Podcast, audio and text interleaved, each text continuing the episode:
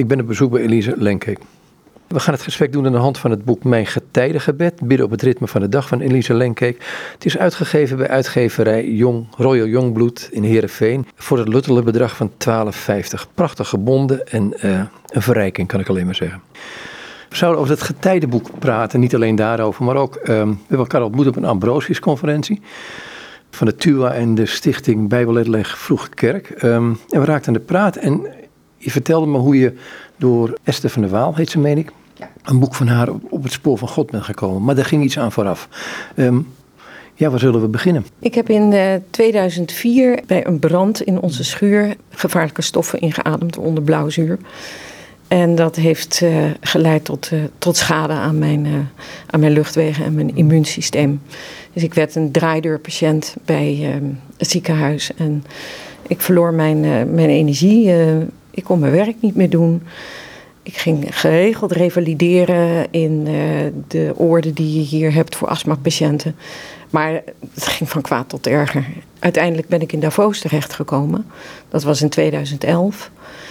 En daar ging ik tot mijn stomme verbazing steeds verder achteruit. Ik donderde als het ware die berg af. Ik las op dat moment ook het boek De Toverberg van Thomas Mann.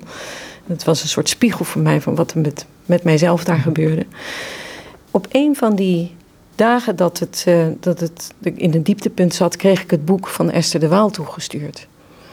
Het boek heet uh, Zoeken naar God, de weg van Benedictus. En ik pakte het uit en daar stond een modderig bergpad op in een, in een wat, wat schemerig landschap. Absoluut niet aantrekkelijk. En ik besefte dat dit mijn werkelijkheid was. Ik, het voelde compleet als van dit, dit boek heeft mij iets te zeggen, zonder dat ik het nog had ingekeken. Ik sloeg het boek open en ik vond daar de spreuk van Theophanus de Kluizenaar, die schreef: Er is niets anders nodig dan een aandachtig hart. En dat aandachtig hart, dat raakte mij, want dat had ik niet. Ik had mijzelf uh, volkomen voorbij geleefd, omdat ik uh, in de periode vlak voordat ik naar Davos ging, had ik in één jaar tijd twee boeken geschreven. Ik had uh, een boek geschreven over Julia Samuel, die in, in Afrika malaria bestrijdt, terwijl ze doodziek is van kanker. En ik, was, ik had daarvoor een boek afgerond over Ferry Holtkamp, die in Nederlands-Indië als 14-jarige jongen in het verzet tegen de Jappen voor alles had meegemaakt, dat heeft overleefd. En ik dacht, what the hell heb ik te doen met mijn astma? Dat gaat nergens over. Ik zet mijn uh, alles aan de kant wat ik voel en ik ga deze twee boeken schrijven. Want deze mensen hadden op dat moment ook uh, eigenlijk de dood op de hielen. Dus ik had haast. Maar goed, je, je was er in, daarvoor met deze voorgeschiedenis. Dan zie je die weg van Benedictus. Um, dan zie je het modderige pad. Je hebt haast. Ik heb astma, het kan mij het schelen, eh, een beetje om mijn woorden te zeggen. Dan kan het helemaal kan een vluchtweg gaan worden in plaats van de weg. Ik wist dat mij één ding te doen stond. Ik moest opnieuw leren wat leven is en bij mijzelf blijven is. Ik was God op dat moment helemaal kwijt ik had eigenlijk het gevoel dat we God zelf verzonnen hadden. En dat God een eh, concept was wat we goed kunnen gebruiken als het niet goed met ons gaat. Dus ik bad niet meer. Ik heb toen op dat moment ook tegen God gezegd: Als u bestaat, moet u mij maar zoeken, want ik, ik ben u kwijt. En, uh, ja, en toen kreeg ik dit boek. En geleidelijk aan ga je stukjes lezen. En wat mij fascineerde was dat Esther de Waal uh, vertelde over het Book of Common Prayer wat geboren is eigenlijk uit de, de, de getijden van Benedictus. Nou, Benedictus leerde ik kennen uit het boek van Esther de Waal. En wat mij ontzettend raakte was dat Benedictus ontdekt had dat bidden en werken bij elkaar horen. Dat het een in- en uitademen is. En dat zo je leven inrichten, dat dat tot zegen strekt. Dat bleek ook wel omdat hij zijn kloosters op die manier inrichtte. Het begon natuurlijk op eh, Monte Cassino. Maar later, toen hij dood was, ontstonden er al snel kloosters vanuit dat concept eromheen. En daar werd het leven eigenlijk heel bijzonder met uh, medische voorzieningen. Er kwam onderwijs, handel kwam op gang. Dus economisch werd dat een succes. Dat uh, waaide uit naar, uh, ook naar Engeland. En in Engeland is de Benedictijnse spiritualiteit heel goed ontwikkeld geraakt. En in de tijd dat nu Esther schreef over dit hele boek, heeft zij ook gezocht naar de verbinding. Hoe zit dat nou met het Book of Common Prayer? Het uh, Book of Common Prayer ben ik voor het eerst in mijn leven tegengekomen bij de begrafenis van Diana. Ik heb daar naar zitten kijken, naar die dienst, met mijn dochtertje van zes. En ik werd ontzettend geraakt door de gebeden, de gezongen gebeden, de litanies. En ik ben toen op zoek gegaan naar Book of Common Prayer, maar het was een hell of a job om dat via internet te vinden. Ik wist niet. Kun je het gewoon kopen, de SPCK, joh? Boekenwinkel? Nee, allemaal, allemaal, allemaal uh, versies waarvan ik dacht, ja, maar wat moet ik dan hebben? Ik had een keuzeprobleem. Maar eenmaal uit Davos, en zover dat ik een, uh, een beetje kon reizen, zei ik tegen mijn lief, ik wil naar Canterbury. Hmm. Ik wil daar de kathedraal bezoeken, waar het eigenlijk allemaal begonnen is. En daar heb ik een versie van de Book of Common Prayer gevonden met de oude teksten van 1549 en 1559 en 1662. Allemaal ingeleid. Ja, maar ingeleid. Ik, ik ga toch nog even terug naar Davos. Want je gaat heel snel het Book of Common Prayer en het getijdenboek. Ja, ja, Esther de Waal, toch naar dit boekje ga ik terug. Um, wat gebeurde er met jou? Wat las je? Kunnen we gewoon een stukje lezen? Wat gebeurde er met jou? Want uh, nu is, doe je voorkomen, hé, hey, je lag daar, uh, je kreeg dit boekje, hupsakee, we gaan naar... Maar er is heel veel meer gebeurd met jou natuurlijk. Je gewoon iets willekeurigs pakken, want uiteindelijk kun je niet zoveel ontsporen bij de weg van Benedictus. Een ogenblik van diepe rust. Terwijl ik voor een houten altaar kniel in een kerk van stenen. Het is zomer. Ik wacht op Gods stem. De lucht is een trap naar stilte. Het licht van de zon omstraalt mij, als speelde ik een hoofdrol en de toehoorders zijn stil. Die gehele dichte drom zielen, net als ik. In de afwachting van de boodschap. Geef mij het woord God. Maar nog even niet, als ik spreek, hoewel u het zal zijn die spreekt, door mij, maar dan gaat er iets verloren. In het wachten ligt de zin. Dit is van R.S. Thomas.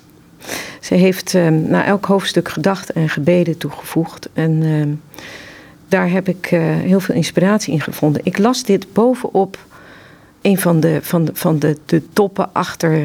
Davos ligt op 1600 meter hoogte. En ik heb op een gegeven moment um, een kabelbaan op zondag naar boven genomen. En ik ben daar mijn plek ge gezocht in de luwte, want wandelen kon ik niet. En daar heb ik zitten lezen. En dit trof mij diep in mijn hart. Mhm. Omdat ik eigenlijk um, het besef kreeg dat de God op een heel bijzondere manier tot mij kwam. Het was ook zo dat ik daar lessen kreeg in uh, mindfulness. En bij mindfulness moet je leren voelen waar je bent, hoe je adem door je heen gaat. En daar voelde ik ook voor het eerst in mijn adem iets van wat wij de Heilige Geest noemen. Ik kan dat niet anders omschrijven, omdat ik anders niet begrijp waarom zo'n boek dan ineens bij je binnenkomt. Waarom deze woorden bij je binnenkomen als betekenisvol. Want ik kon niet veel, ik, kon, ik had niet de energie om allerlei boeken te lezen. Maar deze woorden zetten mij op het spoor van, ik, als ik straks terug ben in mijn leven, wil ik van alles weten over Benedictus. En ik wil het spoor volgen uh, dat Esther de Waal heeft uitgelegd. En omdat ik geen kloosterling ben, dacht ik van... misschien heeft uh, het Anglikaanse model... wat bestaat uit een, een, een, een morgen- en avondgebed... mij wel iets te bieden. En kan ik mij daarin uh, opnieuw verbinden met, met God en mijn omgeving. Want ik wist eigenlijk ook niet meer hoe ik moest bidden. De woorden klonken zo leeg. Ik had zoiets van, ja, het Onze Vader, dat, het is een gebed wat ik van kind af aan heb geleerd en in me heb omgedragen, maar het zei me eigenlijk helemaal niets meer.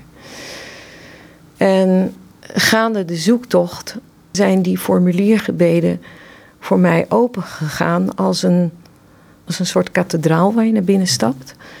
En waarin je vol verwondering om je heen kijkt. En ja, je kijkt naar de muren. Je weet dat die je omgeven. Maar er is iets in die structuren, ook in die structuren van die woorden, wat veel dieper gaat en wat veel dieper raakt dan je op het eerste gezicht ziet. En dat overkwam me. Hoe ging het verder? Want je hebt het hele boekje gelezen. Kunnen nog een paar passages uitpakken? Want ik denk dat we dan een beetje straks bij het Book of Common Prayer uitkomen. Maar... Ja, dan ga ik even iets lezen over de proloog. De uitnodiging.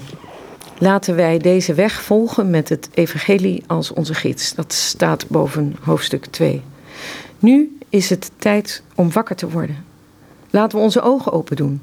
Laat ons luisteren met aandachtige oren. Snel voort, zolang je het licht des levens hebt. Deze dringende oproep om wakker te worden, te luisteren, tot actie te komen, werd in de zesde eeuw gericht tot de monniken van Monte Cassino, de kloostergemeenschap gesticht door Sint Benedictus in de Apennijnen in het midden van Italië. De zinsnede komt uit de regel, dat korte werkplan dat in niet meer dan duizend woorden de doelstellingen en de praktijk van het kloosterleven uiteenzet, zoals Sint Benedictus het presenteerde. Alles wordt helder uiteengezet, verdeeld in 73 hoofdstukken die om de beurt de hoofdzaken van de eredienst, het werk, de studie, de gastvrijheid, het gezag en de bezittingen onder de loep nemen. Zaken die noodzakelijk waren voor een leven dat geleid werd in een gemeenschap die de drie Benedictijnse geloften van gehoorzaamheid, standvastigheid en conversatio morum even tussen de regels door, dat is een vorm van dagelijkse bekering, naleefde. 1500 jaar later heeft de regel nog niets van zijn frisheid en directheid ingeboet. Hij spreekt ons allemaal aan. Meteen bij het eerste begin van de proloog is de benadering heel laagdrempelig. Hé, hey, wie je ook bent. Hij die oren heeft om te horen, horen. Dit was een, een, een van de wake-up calls. Omdat ik dacht van, maar deze man heeft dus iets ontdekt, een geheim ontdekt, dat springlevend is gebleken tot op de dag van vandaag toe. En natuurlijk ga je dan verder zoeken en dan kom je allerlei cursussen tegen op het gebied van Benedictijnse spiritualiteit, uh, Benedictijns leiderschap. Dat het voor huisvrouwen is, voor advocaten en weet ik veel wat allemaal voor mensen die druk zijn in hun leven. En een beetje de draad kwijt zijn van waarom ze nou eigenlijk precies leven en wat de zin van hun leven is. Dus uh, ja, ik ben schrijver en uh, mij was verteld in Davos dat ik nooit meer zou schrijven. Dat ik daarvoor niet meer de kracht en de energie zou hebben. Dus ik dacht van het eerste wat ik nu ga doen als ik uh, weer mijn leven terugkrijg, is dat ik eens ga proberen om die getijden te verkennen. -hmm. En dat kon ik dus het beste doen aan de hand van die Anglikaanse getijden, mm. omdat ik die in handen had. Die waren in het Engels. Het oude Shakespeare, het oude Shakespeare-Engels. En Joop, dat is zo mooi. Als je dat op de lippen neemt. Mm. Ik dacht toen ik eraan begon, ah, met een week, uh, dan uh, heb ik dat wel gezien en dan is het wel klaar. Maar de week werden twee weken en het werd een maand en het werden drie maanden en ik hield niet op. En ik vond het mooi. En ik veranderde. En de mensen om mij heen vroegen aan mij: Wat is er met jou aan de hand? Je gedraagt je anders, je straalt een andere energie uit. Ik zei: Nou, ik denk dat ik een geheim ontdekt heb. En dat is? Het geheim van het goede leven. Door op een paar momenten op de scharnieren van de dag uit je ritme, uit je, doen en laten te stappen en even tot rust te komen bij de eeuwige. En te luisteren naar zijn woorden te bidden, psalmen te zingen en in alle rust te reflecteren op wat jij hier in je kleine bestaan mag zijn door God, door de geest van God. Wat heeft het voor een effect op jezelf? Hè? Want kijk, je zegt het nu zo, um, maar je lag er in niveau in eerste instantie van ja, werd steeds zwakker. Um, je hart was niet tot rust gekomen. Hoe gebeurde dat? Wat gebeurde er innerlijk met je? Want um, er zit toch een hoop lawaai van binnen over het algemeen. Ja. Nou ja, ik werd gedwongen om op mijn kamer te blijven. En ik las daar inderdaad ook, Esther de Waal schrijft ook over die woorden van Abba Mozes. Van je cel zal je alles leren. Nou, ik zat in mijn cel. En er zijn weken geweest dat ik dus helemaal niet van mijn kamer af kon. En dat ik, eh, het is nu moeilijk voor te stellen, maar eh, van je bed naar eh, het raam lopen was al een, mm -hmm. een opgave. Ik mocht dus ook niet meer meedoen met het programma. Ik mocht niet beneden eten. Dus eten werd op mijn kamer gebracht. En ik had geen gebedsteksten. Ik had alleen zoiets van: God, ik heb een boek, ik kan het niet lezen, want ik ben te moe. Dus ik las af en toe een, een heel klein stukje, een zin. Daar hield ik me aan vast. En verder had ik wel die mindfulness oefeningen. En elke keer in die ademhalingen wist ik van: God is bij me. God ademt door me heen. En dat is voor nu even genoeg. Ik ben uh, gaan kleuren. Dat klinkt misschien gek, maar de beweging van met kleurpotloden bezig zijn is een, uh, een zich steeds herhalende beweging waarin je tot rust komt, waarin je ook tot reflectie komt. En ik moest de pijn van mijn leven op die manier ook onder ogen zien. Wat was er gebeurd? Waarom ben ik mezelf zo voorbij gehold? Waarom heb ik mijn grenzen niet gerespecteerd? Ik vertelde je in de aanloop naar de Voos. Ik was dus ziek, maar ik heb totaal niets gedaan met het feit dat ik op tijd rust nodig had. Ik schreef gewoon van s morgen zes tot s avonds twaalf. Met uh, alleen uh, een pauze na twee uren. Uh, om even te eten en een stukje te wandelen.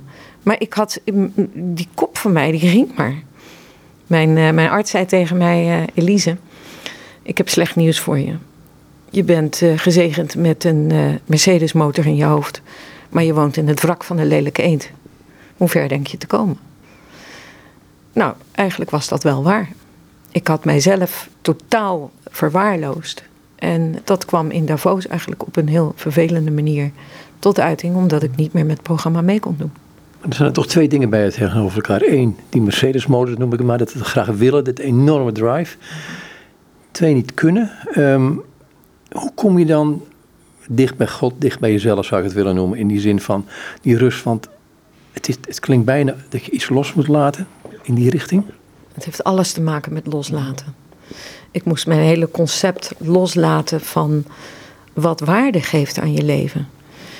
Ik had natuurlijk boeken geschreven, maar dat betekende allemaal niets meer. Alles wat ik daarvoor had gedaan, ook het feit dat ik moeder was.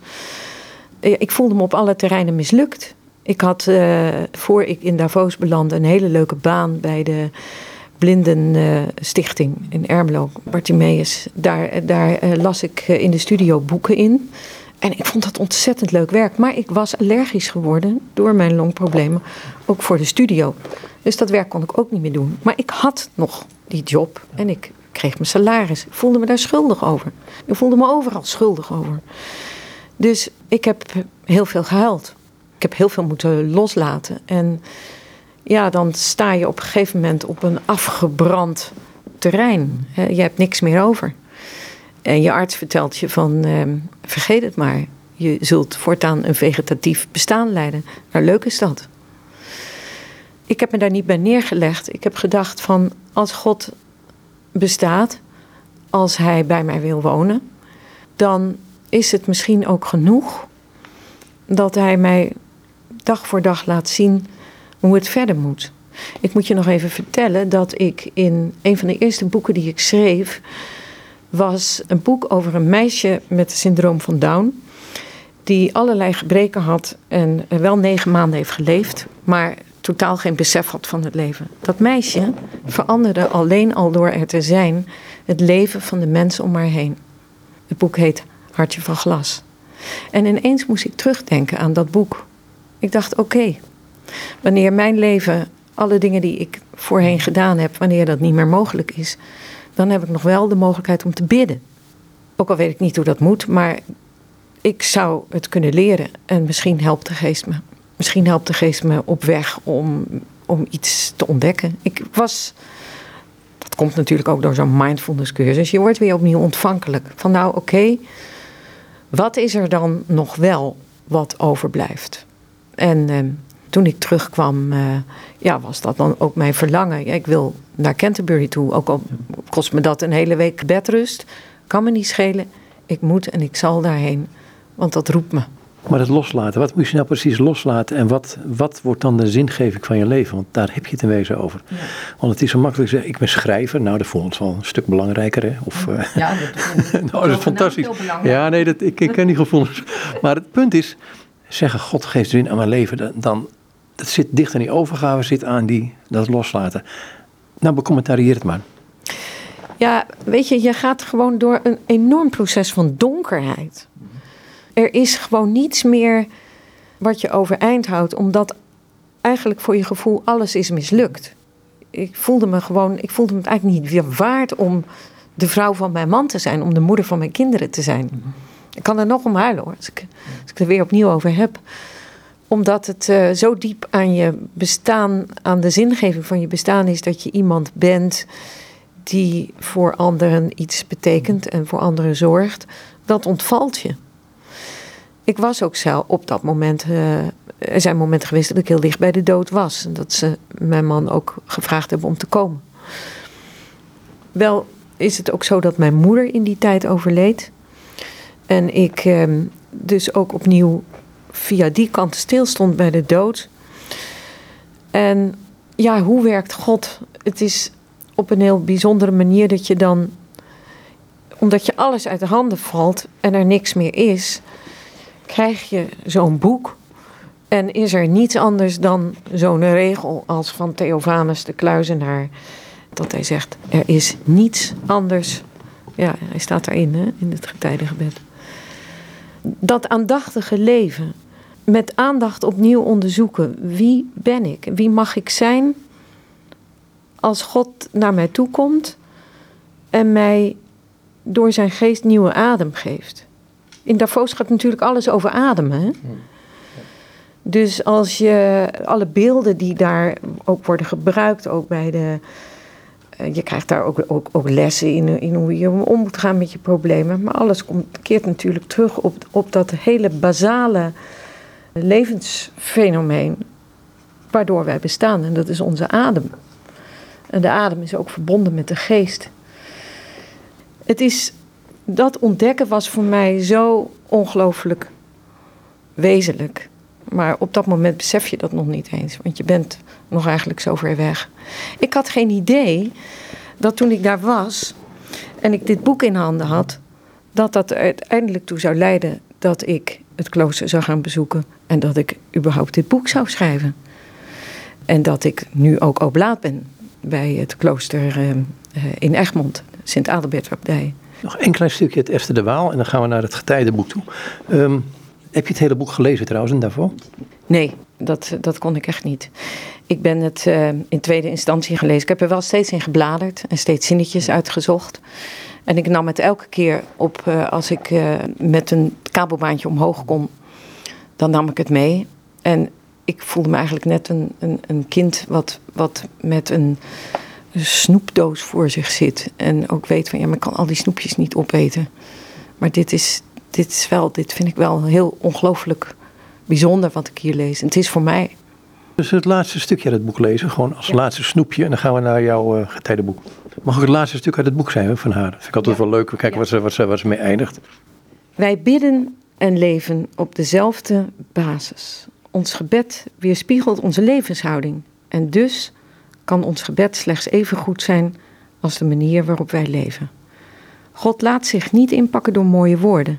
Net zo min als de slimme Sint Benedictus ingepakt wordt door de monnik bij wie hoofd en hart niet op één lijn zitten terwijl hij de psalmen zingt. De volmaakte Christus zoekt heel de mens.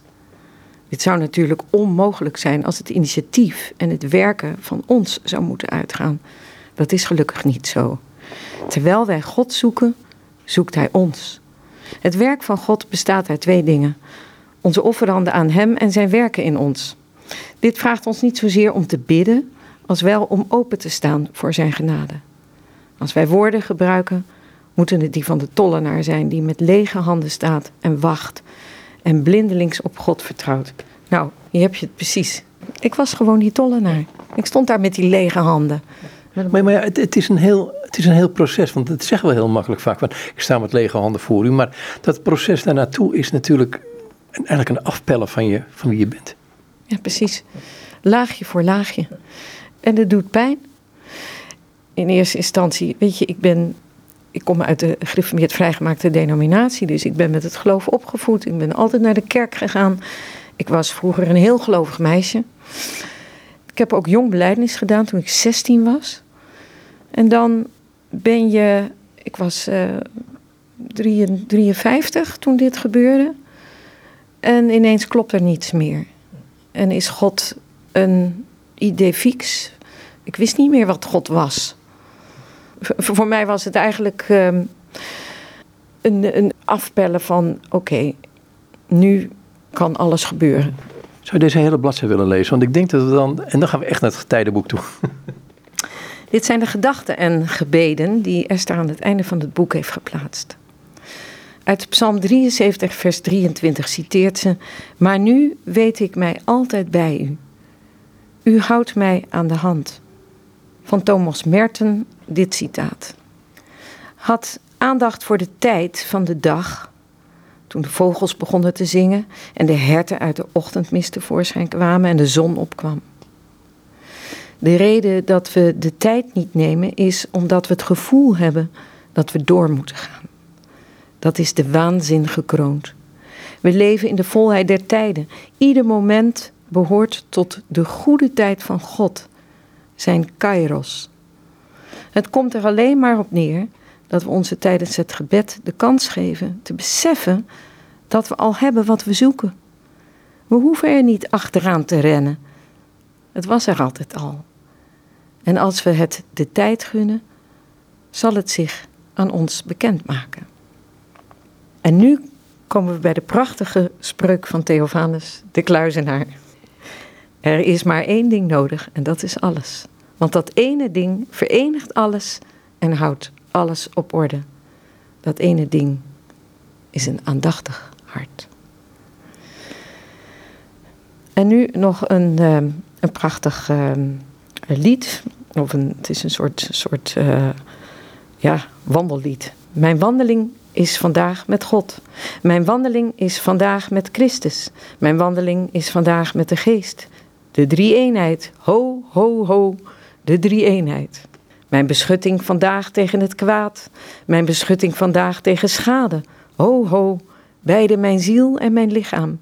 Bij de Vader, de Zoon en de Heilige Geest. Bij de Vader, de Zoon en de Heilige Geest. Dat de Vader mij beschutte. Dat de Zoon mij beschutte. Dat de Geest mij beschutte. Als drie en als één. Ho, ho, ho. Als drie en als één. Het was een Keltisch reislied. En dan van John Climacus. God geeft het gebed aan de mens die bidt. Terwijl jij niet wist wat bidden was, is dat met jou gebeurd aan? Daarvoor, maar ook de, de, de tijd erna met het uh, getijdengebed. Nou, door dit boek, ook door deze, deze dingetjes kon ik wel lezen. En toen begreep ik dat bidden bij God zijn is. En dat dat niet zozeer is het produceren van woorden, maar allereerst jezelf toevertrouwen aan God. Dat kan zonder woorden, dat kan al met het woord help. En soms worden je woorden gegeven. Het gebed is een, eh, een, een, een plaats waarin je ziel eigenlijk de ruimte krijgt om in zijn eigen taal datgene met God te bespreken wat voor de ziel belangrijk is. En daar heb ik het dus echt over bidden met je hart. Want je kunt natuurlijk ook gebeden afraffelen. En dat had ik wel vroeger geleerd hoe dat moest. Voor het eten, na het eten. Maar dat had heel weinig betekenis. Dat was een soort formule. Nu begon ik te begrijpen dat met uh, Augustinus. Begin dan de lofprijzing nu, als je voor altijd wil loven. Loof en zegen de Heer je God iedere dag zodat als de dagen voorbij zijn en er een dag gekomen is die geen einde heeft, je van lofprijzing tot lofprijzing kunt gaan, als van kracht tot kracht. Ja, ik dacht, hoe doe ik dat, lofprijzen?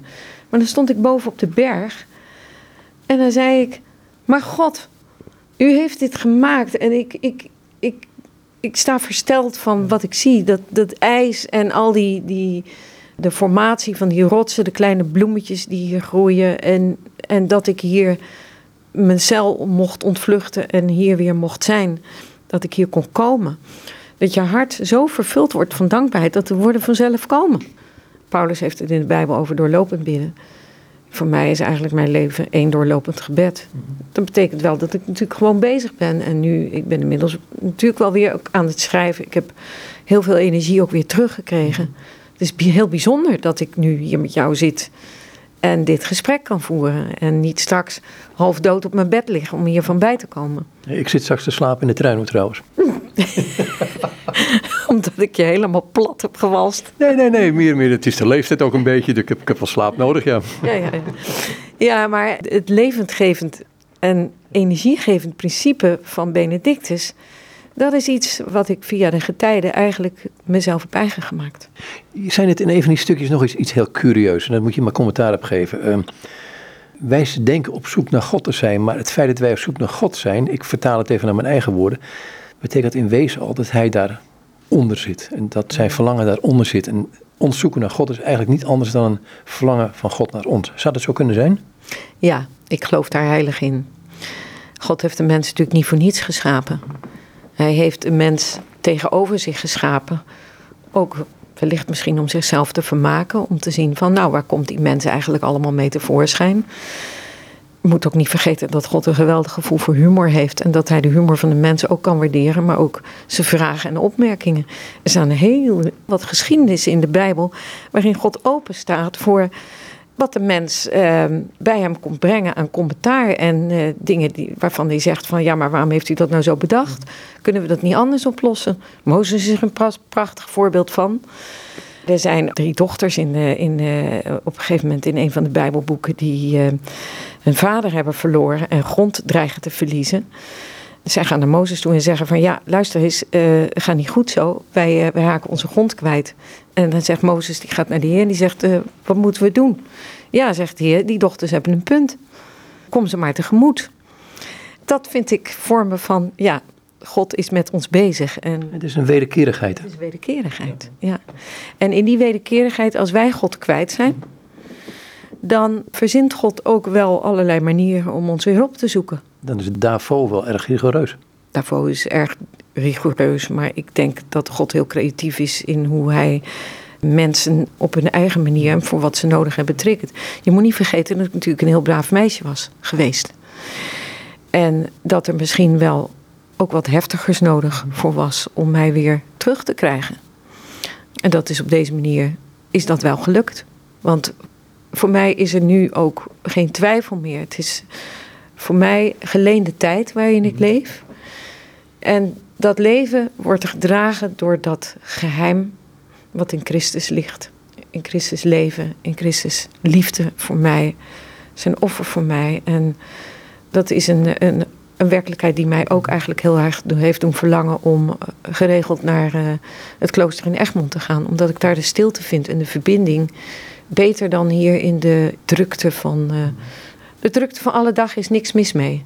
Dat is ons leven. Dat is het uitademen. Maar ik heb ook de inademing nodig om in die stilte steeds weer tot besef te komen: wie ben ik? Waar ben ik? Hoe is het met me? Hoe is het met mijn hart? Hoe is het met mijn ziel? Ben ik nog steeds aangesloten op God? Op Gods liefde, op zijn genade en op zijn kracht? Of ben ik weer zelf alles aan het regelen en verzinnen hoe het moet? En, uh, want dat, dat was uh, zoals ik het geleerd had. Je moet heel hard werken en je moet heel veel doen om het leven gaande te houden. Maar goed, dan kom ik bij een ogenschijnlijke tegenstelling, lijkt het wel. Het uh, getijdenboek. Dat is ook een ritme wat je inbrengt. En Benedictus van Nursia al ingebracht, maar meer eigenlijk Anglicaanse kerk. Het Magnificat, nou mooie, de lofzang van Maria, mooie kan het niet hè. Ja. Noem de mitis, laat, nu laat u knecht in vrede gaan, ja. lofzang van uh, Simeon. Het is natuurlijk heel mooi om, om dat als een soort cyclisch gebeuren voortdurend maar te herhalen. Want het, het, maakt wel, het neemt wel bezit van je. Ja, dat klopt. Het gaat in je wonen. Het is heel grappig dat ik uh, de Engelse getijden in het Engels nog altijd bij me draag. Als ik mijn boek niet bij me heb of ik ben moe en ik lig in bed. Dan bid ik vaak uh, de Engelse versie. Dat vind ik heerlijk. Voor mij is het uh, hier thuis een ritme geworden. De scharnieren van de dag beginnen voor ons bij de morgen, mm-hmm. na het ontbijt en voort aan het werk gaan. In het klooster is dat anders. Daar is de regeling natuurlijk dat het morgengebed al om half acht is. En de Eucharistie om uh, half tien. En nog vroeger heb je dan natuurlijk uh, de lezingendienst om zes uur. Ja, dat is in een thuissituatie niet zo goed mogelijk. Ik heb uh, daarom dit boek ook geschreven, omdat heel veel mensen aan mij vroegen hoe zit dat dan met jou? Dat, dat, dat geheim, dat levendgevende principe, we zien dat aan jou. Kan je dat ook aan ons vertellen, hoe je dat dan doet? Toen ben ik eerst een website gaan maken, want uh, ik dacht, nou dan kan ik daar makkelijk mee oefenen.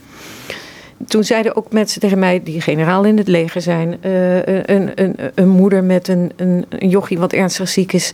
Ja, maar ik kan niet zomaar een paar keer op de dag gaan zitten, want uh, daar heb ik geen tijd voor. De Anglikaanse tijden, morgengebed is 50 minuten. De Vespers is, is 40 minuten. Ja, dat is in een werkend leven niet te doen. Dus toen dacht ik van, ik ga het Anglikaanse model omwerken naar vier korte getijdengebeden voor op de scharnieren van de dag. En die scharnieren, die moeten mensen dan maar zelf inrichten wanneer voor jou de morgen of de middag of de avond of de nacht begint. En dan is dat ritme voor jou persoonlijk een houvast om het ook vol te houden. En waar het uiteindelijk om gaat, is dat je je werk even neerlegt en dan uitstapt naar de eeuwigheid. Een tien minuten, kwartiertje. Je kunt het als je heel snel bent ook zeven minuten doen, maar wil je dat? We zitten ook heel gauw een kwartier op onze social media te kijken. Dus dat kwartier is, daar, daar hikken mensen soms tegenaan, maar dat kwartier is zo eenvoudig. Ja, maar is, is het ook dan, dan zoals je dat zegt, geen prioriteiten stellen? Want we hebben, ja, ik zeg het voor mezelf ook, we hebben in wezen overal tijd voor, behalve.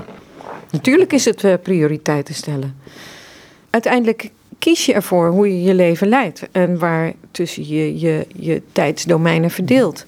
Je kunt op sommige domeinen niet, niet bezuinigen. Je moet zorgen dat je voldoende slaap krijgt. Je moet zorgen dat je voldoende maaltijden binnenkrijgt en dat je je werk kunt uitoefenen. Dat je je sociale kant niet verwaarloost. Maar kant van onze ziel verwaarlozen we heel makkelijk. Dan denken we van ja, zondag of, of een ander moment in de week dat we dan een keer een dienst beluisteren. Dat is dan ons geestelijk moment. Sommigen houden nog wel een, een vorm van stille tijd. Maar ja, als je een drukke baan hebt, dan gaat dat ook al gauw op de schop. Dat gaat niet werken. En ik vergelijk het in mijn boekje met het nemen van maaltijden. We hebben het daar ook over gehad toen wij aan die mooie gedekte tafel zaten bij het, uh, bij het Ambrosius congres. Toen zei ik tegen jou, kijk, hier staat nou een prachtig gedekte tafel. Het is leuk om daar aan te schuiven en dan de spijzen die je krijgt, die wisselen per gang. Maar kijk nou eens naar het servies. Dat zijn voor mij de structuren van het getijdengebed. Je kunt dus ook je geestelijke maaltijden vergelijken met je behoefte om een paar keer per dag in rust te eten en daar ook schoonheid aan te verbinden. Zodat het uh, iets is waar je naar uitkijkt. Dus geen warm hap op een bordje op je schoot voor de tv. Nou ja, dat kan natuurlijk best een keer. En we eten ook allemaal wel eens ja, ik probeer het, ik probeer het naar, naar, naar dit, dit, dit te, te, brengen. Want we hebben de neiging, je eerder zei, van, eh, om gebeden af te raffelen ook. Hè, wat, wat je vroeger deed. En tot mijn stomme verbazing zijn er soms ook gebeden die verhoord worden, moet ik zeggen. Dus, dus, eh, maar, Gelukkig maar. maar toch, toch dit. Hè. Um, er zit een hele lading voor jou onder natuurlijk. Het hele Davos-verhaal. Uh, dat met jou gebeurd is bij die brand. Um, Zullen we gewoon eens een stukje pakken en geef maar commentaar op hoe je het ontdekt hebt? Hoor. Ja, nou ja, de basis ligt natuurlijk in, die, uh, in, in, dat Engelse gebed. En uh, wat ik dan heel mooi vind bij het morgengebed. Het morgengebed is eigenlijk een van de allerbelangrijkste gebeden, omdat het de start is van de dag. Dat je dan begint met het, met het volmaakte gebed, het Onze Vader. En dat je dan in alle eenvoud die woorden laat binnenkomen. Ik heb het uit het Grieks vertaald en ik heb het anders vertaald, omdat ik. Uh, het meer recht wilde doen aan wat er echt staat. En dan lezen we: Onze Vader die in de hemelen is. Wij zijn hier op aarde, maar onze Vader is in de hemelen. Geheiligd moet worden uw naam. Komen moet uw koninkrijk. Geschieden moet uw wil. Zoals in de hemel, zo ook op aarde. Er staat hier in het Grieks een vorm uh, die wij in het Nederlands niet hebben. En daardoor is het bij ons vertaald in de, in de, de, de, de Bijbelvertalingen als gebiedende wijze. Dat is niet correct. Mhm. Het Grieks drukt uit dat het een zekerheid is. Het is zo. En niet, och, mocht het komen staan te gebeuren. Het is zo. Het gaat gebeuren. En daar houden we ons aan vast. Dat is het is iets, iets wat gebeurd is, nu gebeurt en in, tot een eeuwigheid gebeurt in wezen. Ja. Het gaat door de tijd heen. Het gaat door de tijd heen. En het, het, het wordt uh, straks helemaal compleet. Mm. En God werkt daar al lang aan, maar het moet nog gecompleteerd worden op, uh, ja, als straks de jongste dag aanbreekt. Ons dagelijks brood. Geef het ons vandaag. En vergeef ons onze schulden, zoals ook wij vergeven hebben onze schuldenaren. En leid ons niet in verzoeking, maar verlos ons van de boze. En daarbij bid ik altijd, Heer, u weet hoeveel dingen er zijn overdag die zich als een wig wrikken tussen u, uw genade en uw liefde voor ons en ons eigen, onze eigen wijsheid en onze drammerigheid en onze wil en verlangen om dingen zelf op te lossen. Met je rug naar God toestaan noem ik dat. Ja, je wordt heel makkelijk afgeleid, hè? ook de goede dingen. Ja, klopt. En natuurlijk, wij er zijn ook, we leven in een tijd waarin ook door de social media, ook door de, de snelheid waarmee we zijn gaan leven, door de multimedia, mhm. wij een heel ander tempo hebben dan mensen uh, dat vroeger hadden. Dus de bezonkenheid om dingen te lezen, om uh, met aandacht dingen te doen, is uh, in een rap tempo natuurlijk verminderd. Je moet nu multitasken. Je moet en op je mobiel kijken en ondertussen gaat ook je telefoon. Dus je kunt ook nog WhatsAppjes versturen terwijl je iemand op de luidspreker zet. En dan komt er ook nog een mailtje binnen. Misschien moet je daar ook nog even naar kijken. Het is allemaal in die smartphone verenigd. Wat wij zijn en willen en kunnen en doen. En dan is dit is antidotum, is mhm. tegengif. Dus dat dit helemaal vooraan staat, dat vind ik ongelooflijk wezenlijk. Dat doen de Anglikanen. De Rooms-Katholieken doen het niet. Die hebben het, in het klooster worden ze wat later op... Mhm. Eh, in het getijdengebed vervlochten. En dan krijgen we de aanroep. De oude aanroep vind ik eigenlijk het mooiste. Dat is uit Psalm 51, vers 7. Heer, open mijn lippen en mijn mond zal u lof verkondigen. God, kom ons te hulp, Heer. Haast u ons te helpen. Ik heb het hier vertaald in de Bijbel gewone taal uh, versie. Omdat dit boek bedoeld was voor mensen die uh, God eigenlijk nauwelijks kennen. En die toch een manier van bidden willen leren die hen uh, ja, dicht bij God brengt. Het is een beetje de oorsprong ook wat je schrijft van het uh, Anglikaans Book of Common Prayer. Hè? Dat, ik dacht dat het Thomas Cranmer was uit mijn hoofd. Zag dat de gewone man de Bijbel niet las of nauwelijks kende. Ja, daar raak je aan een uh, heel belangrijk punt. Thomas Cranmer ontdekte dat, behalve dat het, gebed was een zootje, want er waren, ik geloof, tientallen vormen van liturgieën die uh, in elke plaats verschillend uh, waren. Maar het ergste was dat de Bijbel helemaal niet meer gelezen werd. Dat, het was, er was een rooster, er werd wel eens een stukje uit een evangelie en wel eens een stukje uit het Oude Testament gelezen, maar er zat geen lijn in. Mensen hadden geen Bijbel thuis. Het besef dat mensen opnieuw naar het evangelie moesten luisteren en naar het woord van God in het Oude Testament heeft Thomas Grammer ertoe gebracht om een rooster te maken waarin de hele Bijbel in één jaar tijd gelezen werd. En dat rooster heb ik overgenomen, want ik was zelf ook iemand die de Bijbel. Vroeg op jeugdvereniging hadden we dan wel bepaalde stukken uit eh, de, de koningen en, en de profeten die we behandelden. Maar later heb ik die Bijbelboeken eigenlijk nooit meer open gedaan. En was het, eh, bleef het bij de psalmen, de lievelingspsalmen. En eh, ja, de spreuken en de prediken zijn ook altijd mooi. Och, dit is eens een keer mooi om te lezen. De brieven en, en de evangeliën. Maar Ezekiel, Jezaja, oh, wat een ellende, wat een donkerheid, wat een, wat een droefheid. Ik wist wel dat het belangrijke profeten waren, maar ik deed er echt helemaal niks mee. Zeker niet, niet voor... Uh, een stuk morgengebed dan, wat ik dan grazen noem. Hè. Uh, je neemt een dagboekje en er staat een tekst in en er staat een overdenking bij. Dat zei me allemaal niks meer. En ik wilde ook weer opnieuw de Bijbel leren kennen. Die lees ik nu inmiddels tien jaar. Mhm. En ik ben elke keer weer zo aangenaam verrast. Doordat ik dingen lees. Vanmorgen zeiden we nog van, huh, we hebben er altijd overheen gelezen. Ik weet niet meer precies wat het was, maar elke keer weer die verrassing.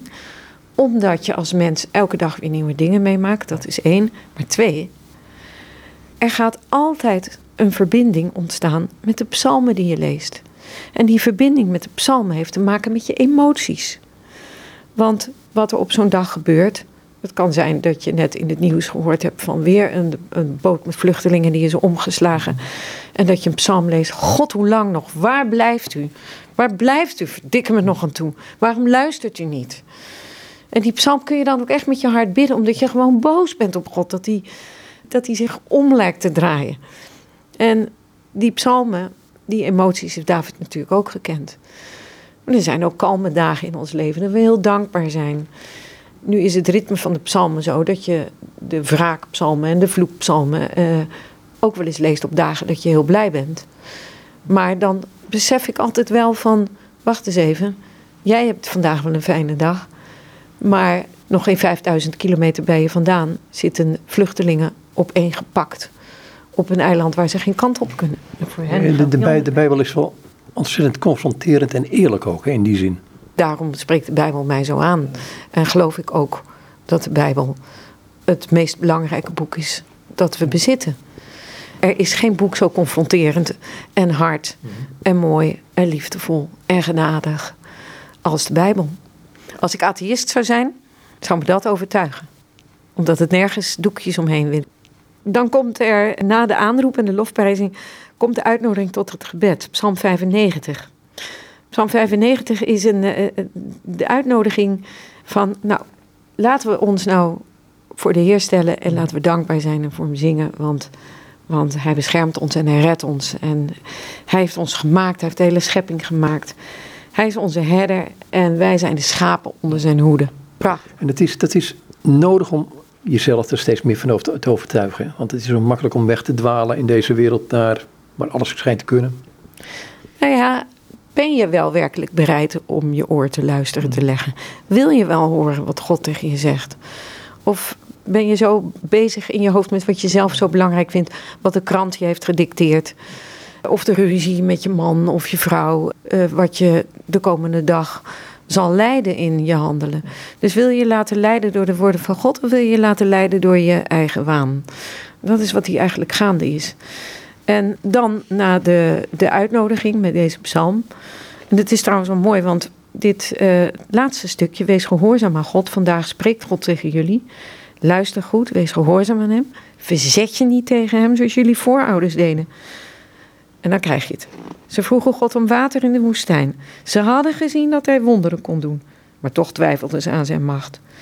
Daarom ergerde God zich aan hen veertig jaar lang en werd woedend en zei tegen hen: Jullie willen niet luisteren.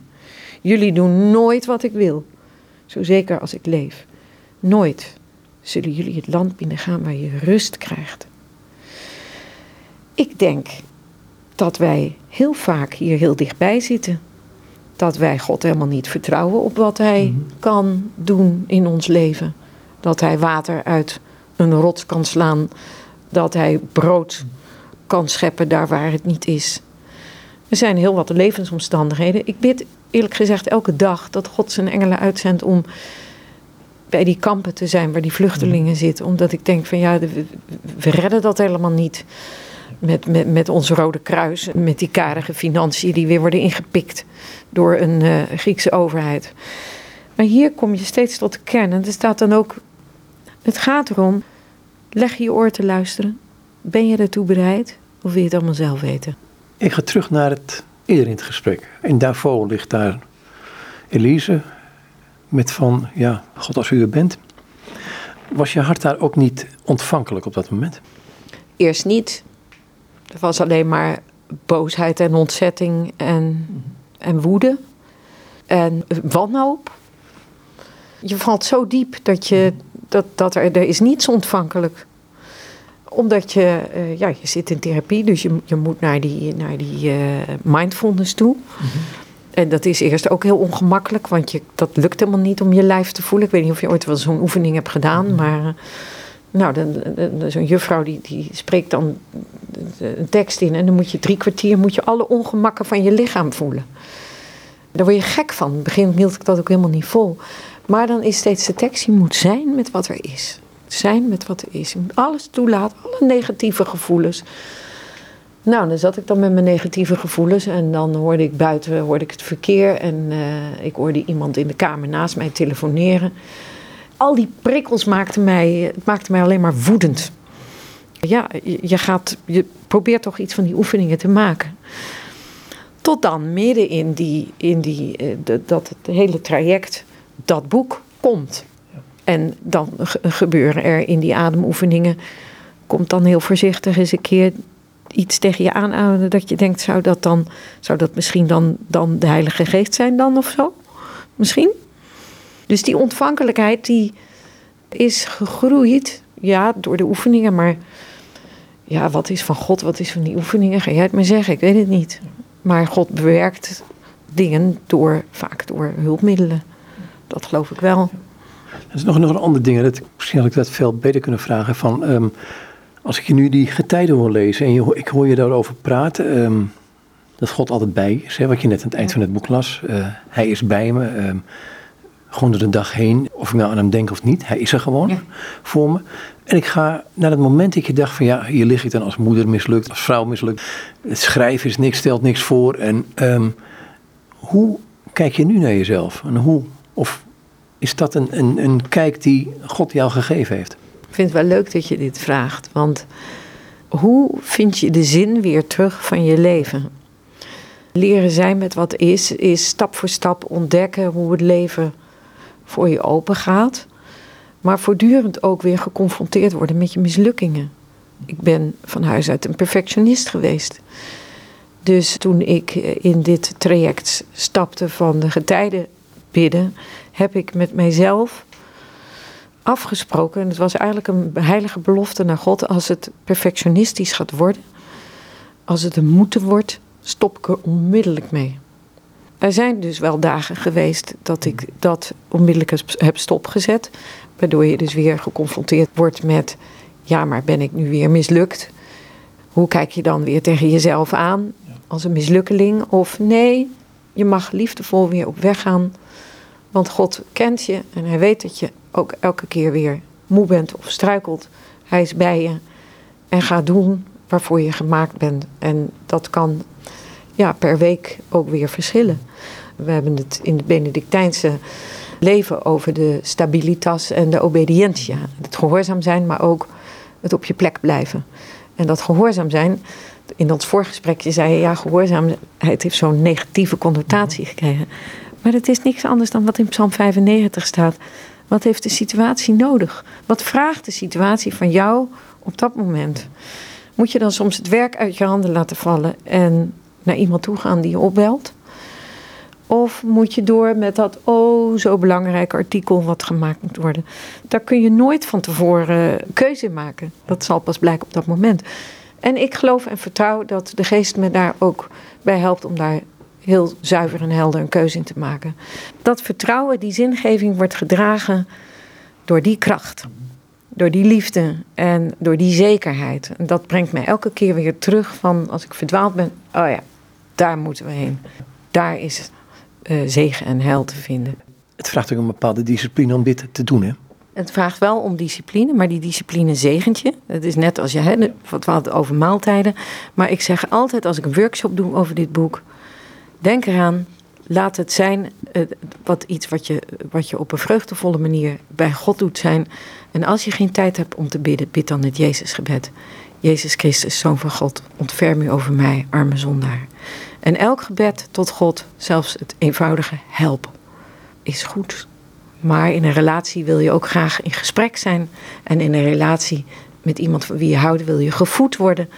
Dus is het getijdengebed een hele mooie opstap om je ziel te voeden met goede dingen.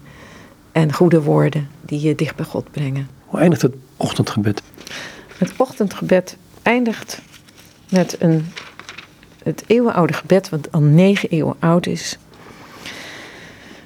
En het begint zo: het is het gebed om genade.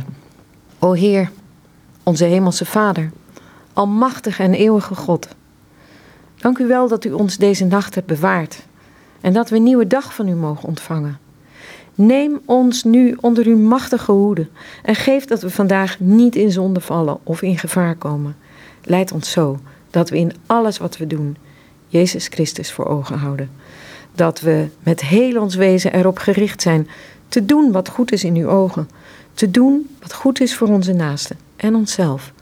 Dat bidden we u door Jezus Christus, onze Heer. Amen. Lekker mooie afsluiting van dit gesprek. Hey, dankjewel. Dankjewel voor dit fijne gesprek. En dit is Elise Lenkeek. En met haar was ik in gesprek over haar leven. Maar ook datgene wat haar leven opgebracht heeft tot op dit moment. Dat is het boekje Mijn Getijdengebed. Bidden op het ritme van de dag. Het is een boek uitgegeven bij uitgeverij Royal Youngblood in Heerenveen. Voor het luttele bedrag van 12,50. Prachtig gebonden en uh, een verrijking kan ik alleen maar zeggen.